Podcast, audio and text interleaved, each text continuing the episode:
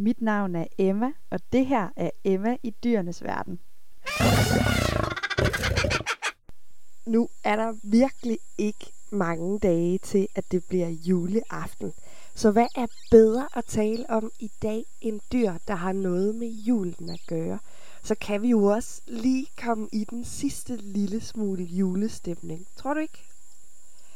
I hvert fald så har jeg forberedt to julede dyr til os, og har tænkt mig at gøre os lidt klogere på dyrene selv, og hvad det egentlig lige er, de har med julen at gøre.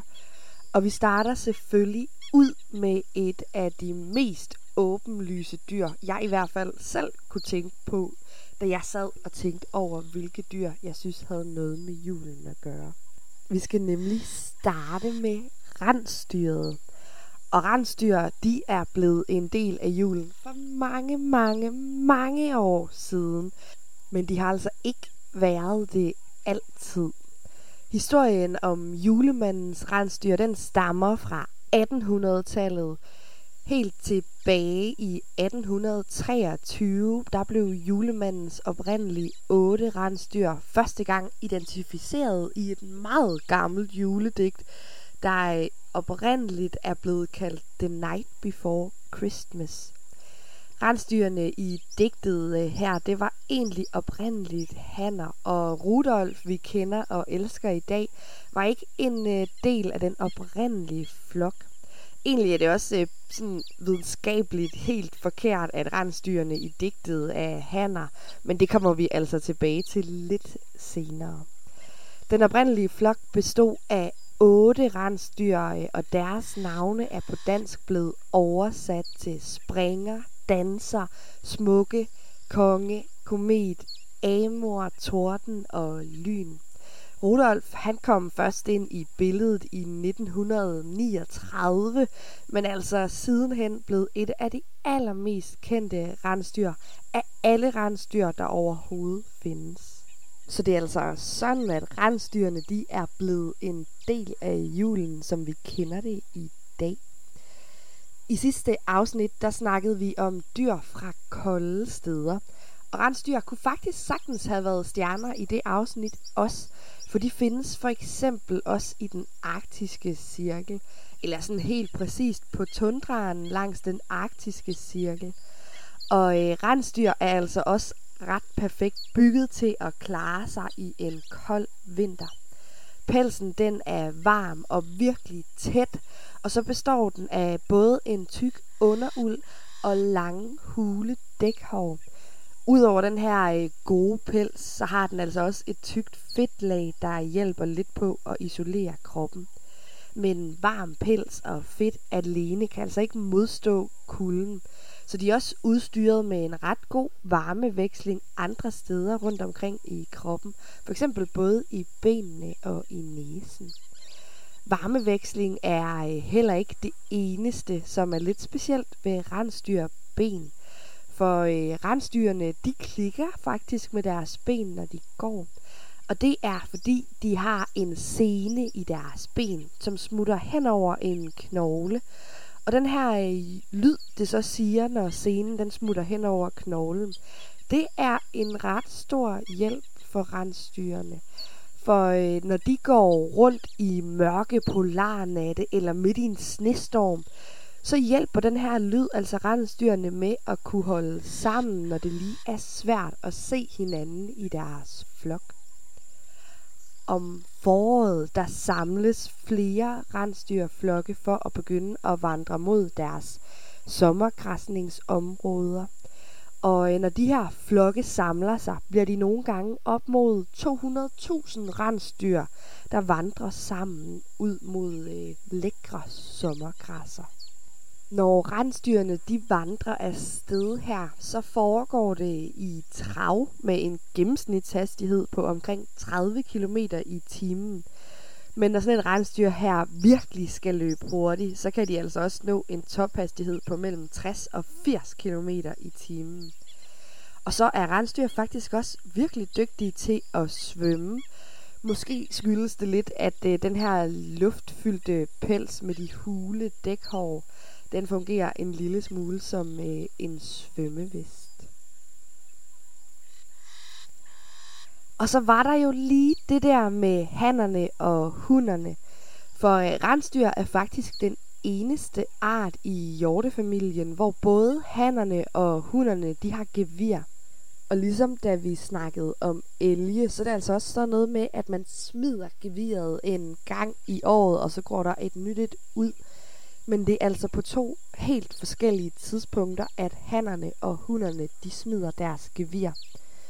Hunderne de beholder deres gevir hele vinteren og øh, smider øh, først et geviret en gang i løbet af foråret. Og øh, hannerne de gør altså øh, ligesom elgen og smider deres gevir først på vinteren. Så alle de rensdyr, man egentlig øh, kender, der skulle øh, rende rundt foran julemandens slæde, de kan jo slet ikke være hanner, for de har nemlig alle sammen gevier. Og det har vi jo lige fundet ud af, at hunderne, de er de eneste, der har her i løbet af vintermånederne. Geviret hos rensdyr kan også blive ret stort. Ikke helt lige så kæmpestort, som det gjorde på elgen, men nu var elgen jo også øh, den allerstørste art af hjorte, der overhovedet findes. Men hos hunderne, der kan geviret, når det er allerstørst, måle op mod en halv meter. Hannernes, øh, det kan, når det bliver allerstørst, måle helt op øh, omkring en meter og 30 centimeter. Og så kan det altså komme til at veje helt op mod 15 kilo. Det synes jeg er meget imponerende, at de bare lige sådan uden videre balancerer rundt øh, på hovedet, helt uden at få ondt i nakken. Brunst eller paringssæsonen hos rensdyr kan godt blive en ret brutal omgang for hannerne. De slås nemlig om at få lov til at parre sig med hunderne. Og slåskampene, de kan altså nogle gange blive så voldsomme, at det faktisk resulterer i døden for nogle af hannerne. Den han, der i sidste ende vinder, vælger typisk mellem 5 og 15 hunder, som han parer sig med. Og når hunderne her de er blevet drægtige, så trækker de væk fra flokken og ud på en yngleplads, hvor hunderne typisk føder øh, inden for 10 dage af hinanden i løbet af maj eller juni måned. Når kaldene de er blevet født, så er de i stand til at stå op inden for den første time, og allerede efter en uge har de så godt styr på deres bentøj, at de faktisk øh, sagtens vil kunne øh, løbe fra mennesker. Og så tænker jeg, at vi er ved at have lært øh, rensdyret her ret godt at kende. I hvert fald godt nok til, at jeg synes, vi kan hoppe videre til øh, dagens andet juledyr. Dagens andet dyr er måske ikke det allerførste, man tænker på, når man tænker på juledyr. Vores andet øh, juledyr er nemlig en ged. Helt specifikt er det selvfølgelig julebukken, der gør det til et juledyr. I dag er julebukken lavet af halm og oftest bundet sammen med røde bånd. Men i virkeligheden har julebukken ikke altid været helt lige så fredelig, som den er i dag. I øh, 1600- og 1700-tallet, der var julebukken nemlig øh, en uhyggeligt udklædt mand, som gik fra gård til gård for at lave ballade i julestuerne. Julebukken her, han kom brasende ind i stuen, mens han larmede alt, hvad han overhovedet kunne. Og så skulle man altså for at få julebukken til at gå igen, give ham alle mulige lækre gaver. Ideen med julebukken dengang var, at han skulle tage alt det onde med sig og sikre øh, lykke og fremgang for dem, der boede i huset, han brast ind hos, når altså først man havde tilfredsstillet julebukken, øh, sådan så han gik igen. Så forsvandt julebukken en lille smule fra den danske jule øh, over nogle år, og så kom den tilbage i den danske jul på den måde, som vi kender julebukken i dag, omkring 1920. Der var den her øh, julebuk lavet af halm nemlig blevet et fast inventar blandt julepynten i Sverige. Og den tradition, den overtog vi simpelthen også herhjemme i Danmark. Egentlig så findes der et hav af forskellige geder. Men man mener, at øh, rigtig mange af dem nedstammer fra den ged, der hedder besoargeden. Den var blandt andet øh, blandt de allerførste dyr, mennesker nogensinde har domesticeret for 8-9.000 år siden. I virkeligheden øh, tror jeg, at mange af os vi undervurderer geder en lille smule. For det viser sig altså, at geder øh, både er ret intelligente, og så har de ekstremt god hukommelse. Blandt andet øh, så mener man, at geder husker både stemmer og ansigter, ikke kun fra mennesker, men også fra andre geder, og de husker det altså ret længe. Nogle undersøgelser har vist, at geder er utrolig dygtige til at aflæse følelser. Så en ged vil sagtens kunne øh, genkende, at et smil på øh, et menneskeansigt, det bunder i glæde, og kan også uden problemer aflæse på et ansigt, om man er vred eller ked af det. Og de kan altså også øh, sagtens aflæse humøret øh, hos deres artsfælder.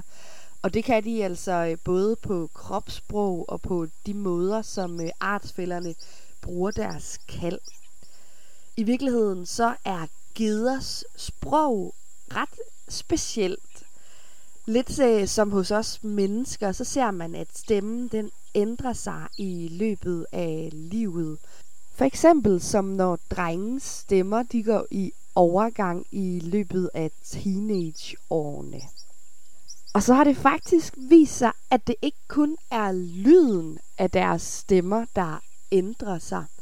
For øh, man har fundet ud af, at geder de får forskellige dialekter, alt efter hvilken social gruppe de tilhører, og hvor deres lille flok den kommer fra.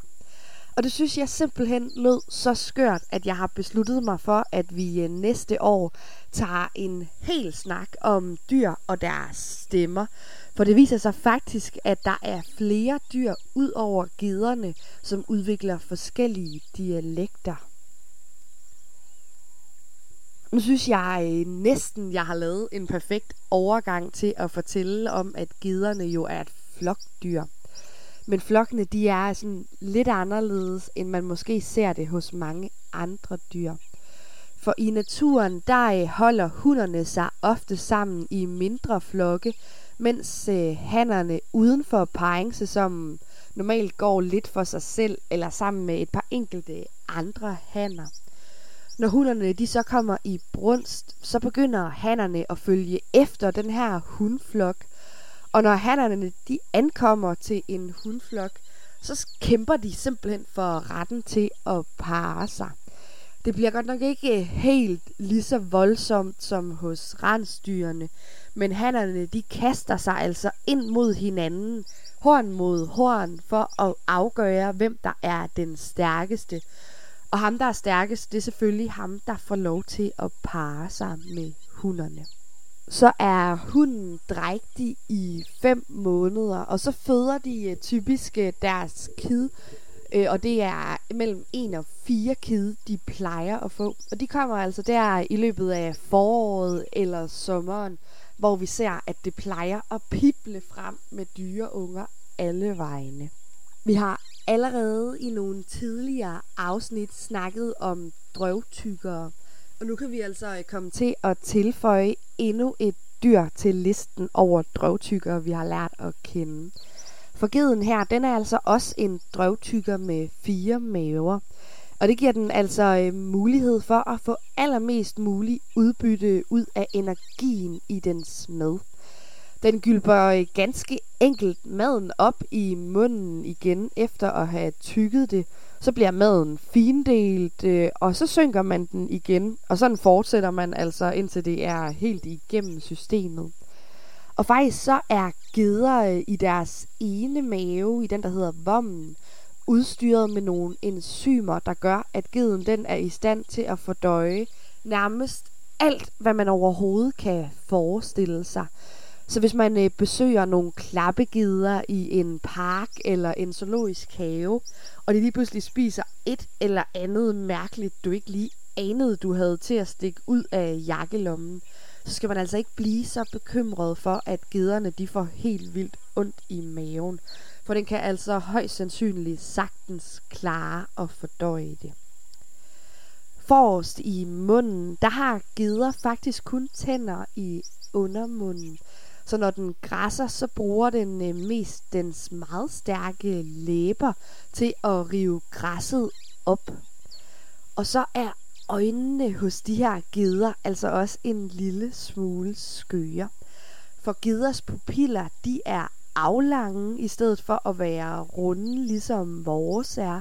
Og så er de firkantede. Og det betyder øh, faktisk, at de kan se næsten hele vejen rundt om sig selv.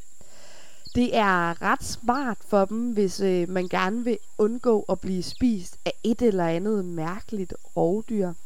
Til gengæld så gør den her mærkelige øh, pupilform, at geden ikke kan se hverken op eller ned, uden at skulle bevæge hovedet. Og med det, så tror jeg simpelthen, at vi takker af for juledyr for i dag. Nu har vi i hvert fald øh, lært både øh, julemandens rensdyr og julebukken ret godt at kende. Jeg er super glad for, at I har lyttet med igen i dag, så for det skal der lyde et stort tak. Så håber jeg selvfølgelig, at vi lyttes ved igen i næste uge, som faktisk bliver sidste afsnit for den her omgang. For i januar, der holder jeg nemlig eksamensfri fra podcasten her. Og så vender jeg altså stærkt tilbage med en masse nye dyr i februar måned. Indtil da, så vil jeg altså øh, ønske jer øh, rigtig dejlig jul. I hvert fald jer, der holder det. Og hvis der skulle sidde nogen og lytte med, der ikke fejrer jul, så håber jeg bare, at I får nogle rigtig dejlige fridage her øh, mens vi andre spiser os tykke i julemad.